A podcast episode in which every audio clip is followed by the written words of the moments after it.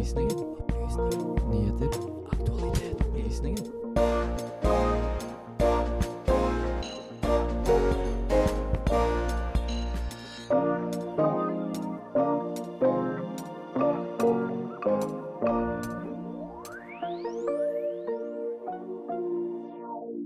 Kvinners kamp for likestilling er blitt et svært polarisert tema i USA. Visste du at India er verdens tredje største saltprodusent? Vi skal høre mer om dette senere i sendingen. Og hva er egentlig styving?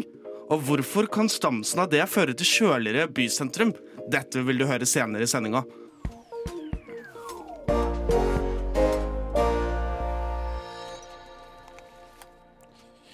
Hei og velkommen til Radio Nova. Nå er det endelig fredag, og dere vet jo hva fredag betyr. Det betyr opplysningen. Og vi har en stappet godtepose av en sending foran oss.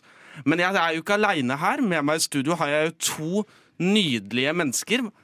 Hei og velkommen til deg, Lise. Hei, god morgen. God morgen. Hvordan går det med deg? Det går veldig bra. Jeg er overraskende opplagt. Jeg har faktisk sovet hele seks timer i dag. Hele seks timer. Dette er bra. Hva med, hva med vår andre an, Hva med deg, Aleksander? Jo, det går veldig bra. Eh, Jeg også har eh, Jeg fikk hele syv og en halv, eh, så jeg er jo helt, opp, helt, helt våken. Helt nydelig. Kost meg litt i sola på starten av dagen i dag. Spist salat til frokost, og jeg har fått lønn i dag. Så livet smiler akkurat nå, og det, vi går inn i en helg som blir ganske spennende. Så, Ja, det ja. og, og noe annet som blir spennende, er jo ukas sending. Så det er jo egentlig bare å sette i gang. Men først skal dere få en låt med Scale Tipper her på Radio Nova.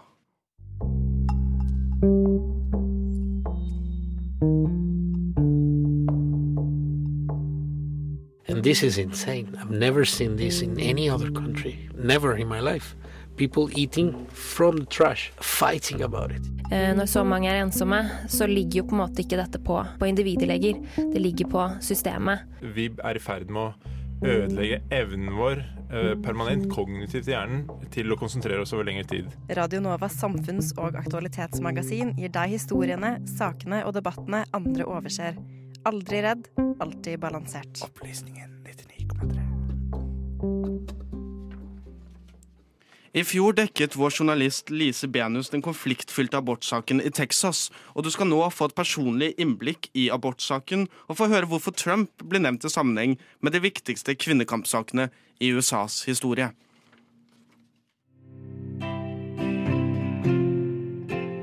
Tamponger, kamp, abort, historie, likelønn, voldtekt, transkvinne, kvinnehelse. Today is International Women's Day, and we all need to see and to recognize the barrier breaking accomplishments of these women. We need the young women just beginning their careers in the military service to see it and know that no door will be closed to them. We need women and men throughout the ranks to see and celebrate women's accomplishments and leadership in the services. We need little girls and boys both who have grown up dreaming of serving for their country to know this is what generals in the United States Armed Forces look like. Der hørte du USAs president Joe Biden tale fra Det hvite hus på kvinnedagen i forrige uke. Men hva tenker vanlige amerikanere om kvinnekampen? My name is Nadine Morgan. Um, I'm from the U.S. I'm from upstate New York. I've been living in Europe for about nine years and uh, in Denmark for over six years. And I currently uh, study here in Denmark, finishing my master's in development and international relations uh, with a focus on uh, Europe. Kvinnedagen har lange tradisjoner i Norge, men hvordan markeres denne dagen i USA? Um, there are um, marches, of course, uh, you know, for women's rights in the U.S. It has for sure actually died down a lot, but also has changed. One thing's that you know it has actually developed over the you know the past hundred years in the U.S. You know, with women's suffrage and, and voting rights, and um, and you know more equal opportunities. But then again, um, it has gone back in time in the sense that you know, for example, like a state like Texas that um, is trying to be a bit more even conservative or is trying to prevent women from um, you know having abortions, uh, which is a very big um, controversy. Våre faste lyttere husker kanskje Lise Benus sin reportasje om abortsaken i Texas fra september 2021. It's a very big deal in the U.S. because now you know people who are residing in Texas would have to go to another state and uh, and um, you know uh, get help from another actually gynecologist or from other doctors or you know to get an abortion that is outlawed and uh, that's outlawed in Texas. So it creates this actually disparity between women in different states and also actually different regions. Fra en veldig dyster sak en nyansering av ulike miljøer i USA. You know, for example, that it has worked a bit more for like you know celebrities and more like wealthier people, but how about those who are living, you know, or who are working in smaller, you know, jobs or you know, blue collar jobs. Nadine fortsetter å forklare elementer som påvirker vanlige kvinner i USA. There's been a lot of abuse recently uh, towards women, actually physical and also sexual abuse, especially during Corona times, and how much um, representation, also support, goes towards them uh, varies on the different uh, socioeconomic groups. Women um, who um, underwent abuse uh, the past a few years and, and how many of them feel safe that they, you know that they you know that they can have actually support from uh, the police or from um, any groups that can help them with trauma and I think actually white women in the U.S. felt the more, most actually supportive and those that felt the least were you know Hispanic, Black and also Native American women. Hva betyr kvinnedagen for Nadine? That's a great question. Um, well, as a female, having uh, to immigrate um, to a different country here in Denmark where the women's rights are, you know, different than in the US. There's a bit more focus and more concentration towards that. And I think more equality and more rights towards that. I have seen uh, more opportunities here in Denmark in terms of, you know, actually being a female because of for example, um, you know, being able to go on maternity leave. Her kommer Nadine med en liten avklaring. In the US, you can also be granted that, but it's not as economically supported or as nationally supported. Hvordan er det med lønnsforskjellene og jobbmulighetene i USA? Being paid higher, as in like the, you know, between like the gender gap, uh, the gender wage gap is less here than it is in the US, and I think that's fantastic as a female and you feel a bit more uh, actually supported here in the system. Um, and also there are more rights, you know, towards women in terms of having to find a new job. Um, where you know there's certain questions that are not allowed to, you know to be asked in interviews because you have your unions here in Denmark to protect you. Vi skal nå få høre litt om den amerikanske polariseringen.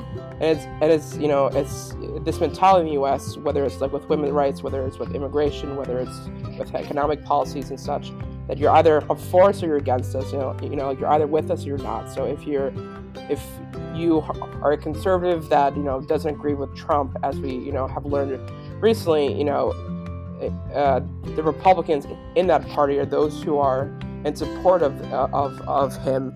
Will find you know those who are not supportive of Trump as almost like traitors. So. Hva mener Nadine er det mest markante i USAs kvinnekamphistorie? uh, the election of both Trump and Biden. I think um, just you know, just how I mentioned that you know because Trump is a Republican, you know.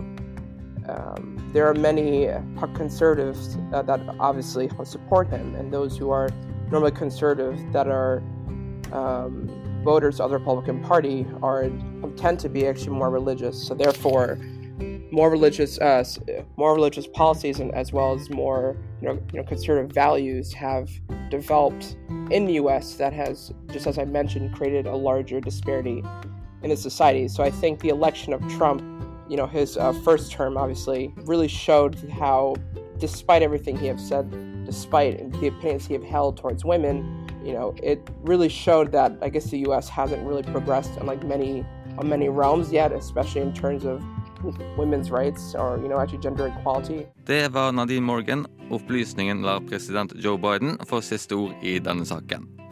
Thank you all. May God bless you all and may God protect our troops. Journalisten i saken var Daniel Johansen. Lyden er hentet fra Det hvite hus. Men det som også er rystende, er på en måte hvor mye av det som i 2011-2012 opplevdes som helt vanvittig, det er liksom gått inn i et slags sånn politisk hverdagsspråk nå. Veldig mange av de holdningene. Radio Novas samfunns- og aktualitetsmagasin gir deg historiene, sakene og debattene andre overser.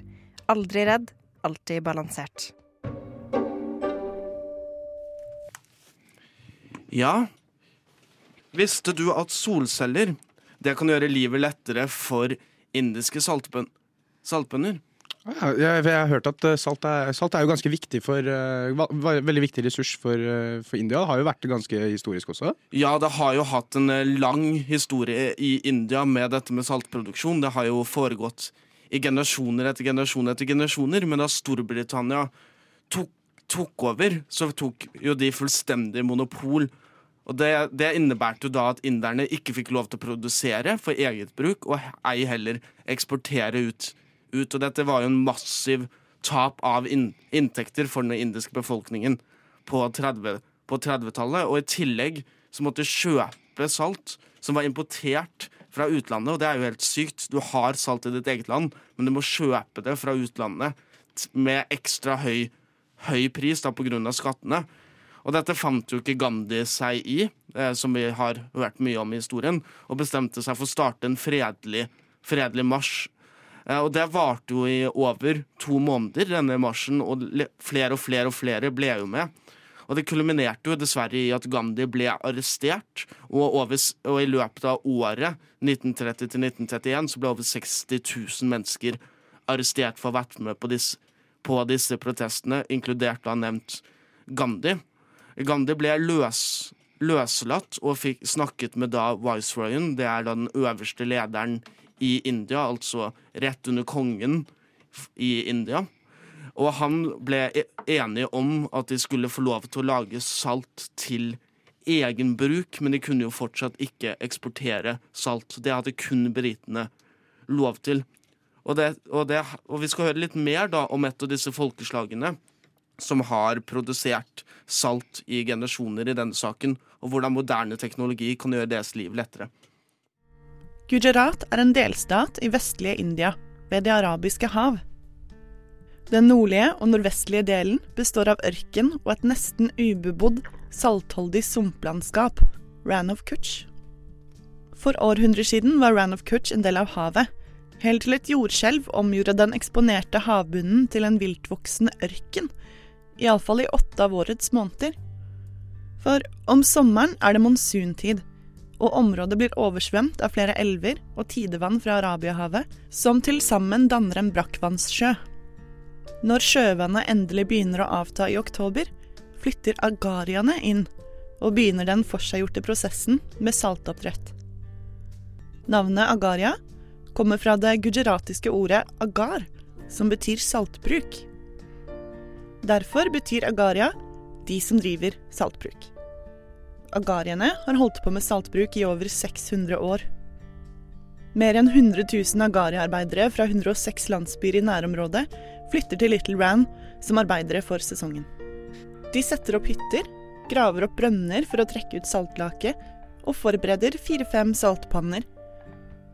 De trosser den ekstreme temperaturen i den ufruktbare ørkenen, og lever i seks til syv måneder i provisoriske skur ved siden av saltpannene. Agaria-barna begynner å jobbe på saltfeltene fra de er ti år. Generasjonsfattigdom og mangel på skoler i Ran of Kutch gir dem få sjanser til å utdanne seg. Når sesongen er over, pakker familiene utstyret sitt og frakter dem tilbake til landsbybosetningene som omkranser Brann. Monsunene kommer og vasker bort saltmarkene. Neste år starter hele prosessen fra begynnelsen av. I motsetning til havsaltindustrien produserer agariene salt fra underjordisk saltlake som ligger tolv meter under jordskorpen. De starter arbeidsdagen tidlig for å unngå den brennende ørkenvarmen, hvor temperaturen kan gå opp til 40 grader, selv i desember. Først så graver de brønner for å pumpe ut denne saltlaken, som ledes inn i firkantede saltpanner der den fordamper og etterlater hvite saltkrystaller. Å gjøre disse pannene klare for denne prosessen er tøft arbeid. Bøndene tråkker ned jorda med føttene for å glatte ut sprekkene og forhindre saltlaken i å sive tilbake under jorda. Noen tørre grener kastes inn, og saltkrystallene formes rundt disse. Det rakes kontinuerlig for at laken lettere skal fordampes, og for å oppmuntre til dannelse av saltkrystallene. Hele denne prosessen er manuell, bortsett fra pumpen som får saltlaken opp til overflaten. For 60 år siden brukte bønder ennå okser for å drive pumpene, før dieselgeneratorer ble normen. I dag gjør fornybar energi sitt inntog. Jeg heter Ingrid Høek, og jeg jobber som bærekraftskoordinator i Skatec. Og har tidligere jobbet på Senter for utvikling og miljø på UiO og FNs utviklingsprogram i India. Altså jeg kan si, For det første så, så har verden et veldig stort behov for fornybar energi for å på en måte hindre klimaendringer og, og fremskynde overgangen til netto nullutslipp. Og det viser jo på en måte alle de nyeste rapportene fra FNs klimapanel osv. Samtidig så ser vi at, at, mennesker i fattige land har behov for strøm og for elektrisitet. Og da er jo det en stor mulighet å på en måte koble det opp mot fornybar energi. Jeg kan jo si litt om India.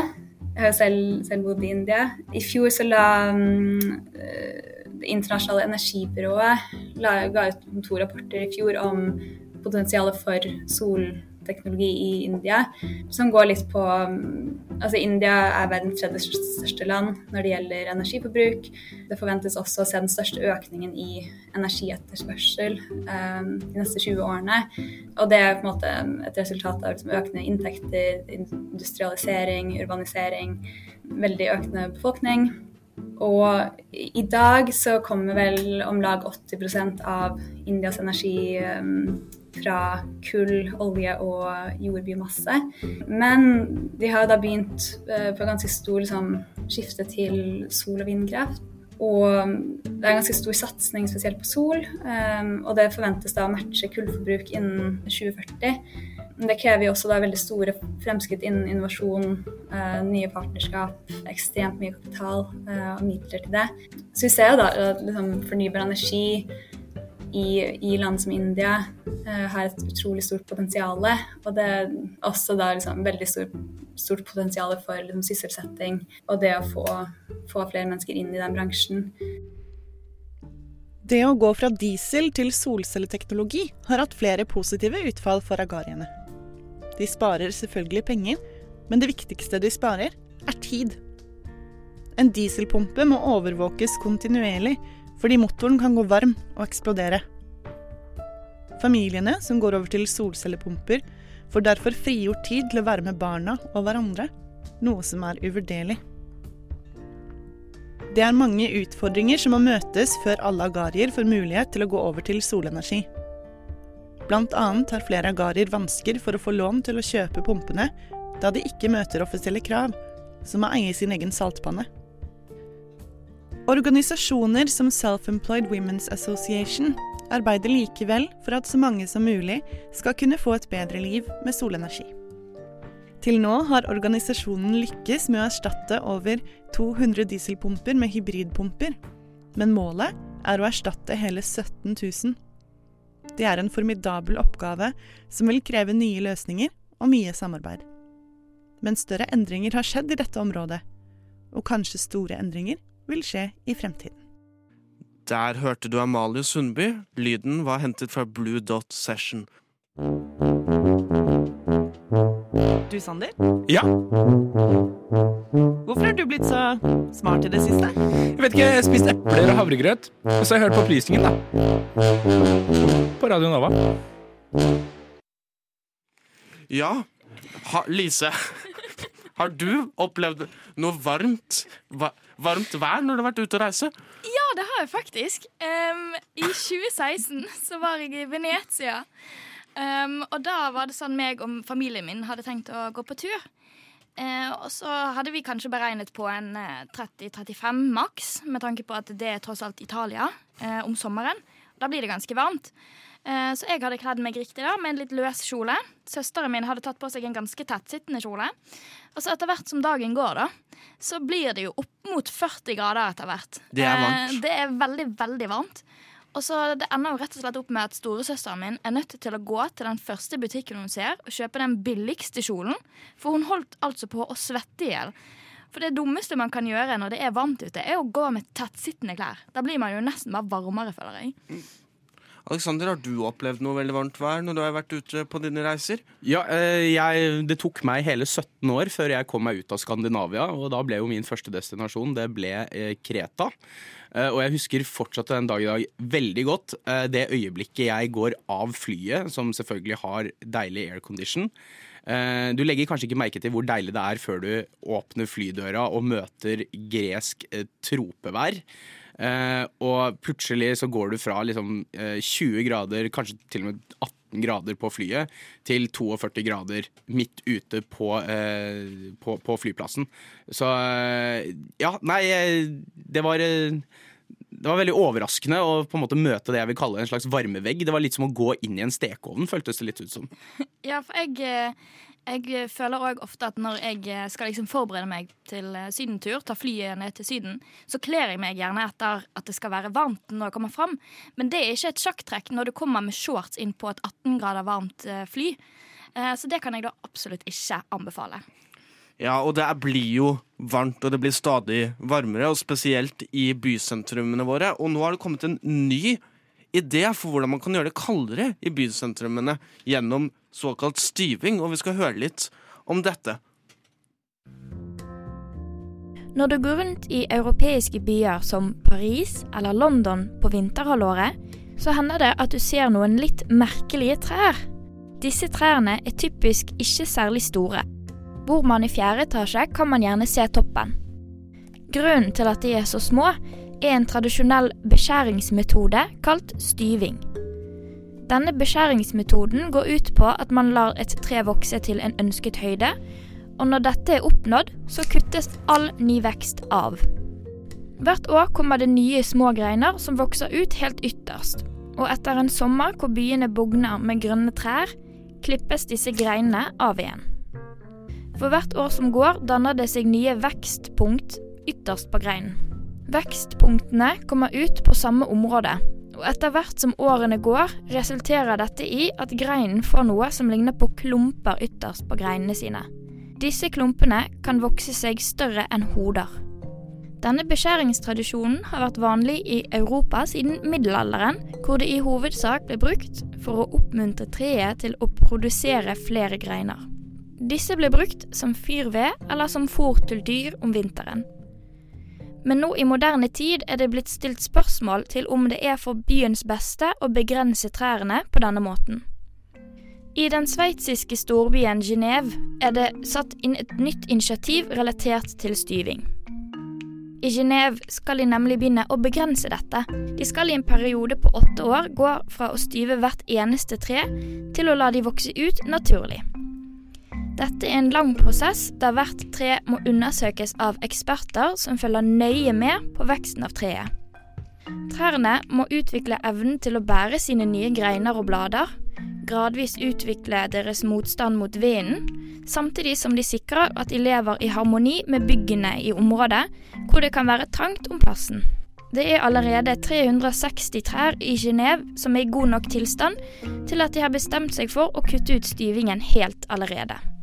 Eventuell påfølgende beskjæring vil bli utført på trærne er pga. veitrafikkhensyn, for å rydde trikkelinjene, pga. deres beliggenhet til bygninger eller helsen til trærne. Det er flere grunner til at byen har valgt å endre denne tradisjonen. Å ha større trær med flere blader leder bl.a. til et større biologisk mangfold i byene, større grøntområder, en tydeligere tilstedeværelse av natur i byene og bedre luftfiltrering. Men det som kanskje har fått mest oppmerksomhet, er at det kan redusere temperaturen i byene betraktelig. I urbane områder, som f.eks. Rue Denset eller Ruud Hoffmann, stiger temperaturen raskt om sommeren. Det oppstår såkalte varmeøyer, hvor temperaturen i det urbane området er varmere enn naturområdene rundt. Det er flere årsaker bak denne urbane varmeøyeffekten, bl.a. at mørke flater som asfalterte veier og gråe bygninger absorberer mer av solens varme, og de store og tettbebygde områdene gjør at det er mindre vind. Det at byen får et økt bladedekke, vil over tid skape kjøligere og mer skyggebelagte områder. De voksne trærne vil gi skygge til tusenvis av mennesker som daglig går i byens sentrum, og som ønsker å nyte det fine været i sommermånedene. Journalisten i denne saken var Lise Benus. Lyden var hentet fra Blue Dot Sessions. Nå skal vi høre en ja, ny låt fra Boys and Ivy. What did I think when Maduro took power? Well, he's a clown. Finne et litt mer, litt mer nyansert språk der. Jeg tror vi bare skal forstå det sånn at dette dreier seg om teknologi. Du hører på Radio Novas samfunns- og aktualitetsmagasin Opplysningen. Hver fredag fra 10 til 11 på Radio Nova.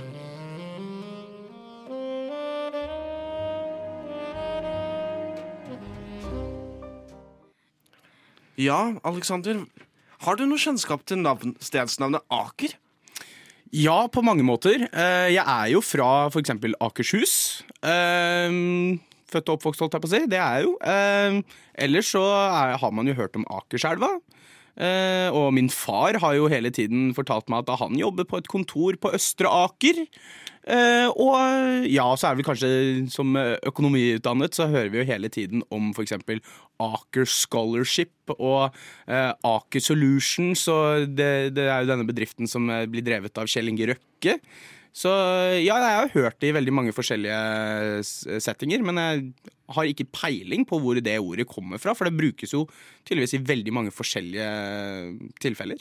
Ja, Hva med deg, Lise? Vet du noe? Hva er dine kjennskaper til Aker-navnet? Ja, for jeg kommer jo fra Vestlandet, så jeg har for å være helt ærlig ikke hørt så veldig mye om Aker før jeg flyttet til Oslo. Det eneste på en måte jeg husker fra barndommen, er den der klappeleken til eh, 'Det bor en baker i Østre Aker'. Eh, Og Da tenkte jeg aldri noe særlig over hva Østre Aker var engang. Jeg tenkte bare det var et eller annet sted i gamle dager i et eller annet eh, område i Norge. Men nå har jeg jo hørt, litt, eh, hørt det litt oftere, da. Ja, jeg, jeg trodde i utgangspunktet at eh, Østre Aker egentlig ikke var et ekte sted. For det første gang jeg hørte Østre Aker, var faktisk ikke fra min far, men det var fra eh, Shrek.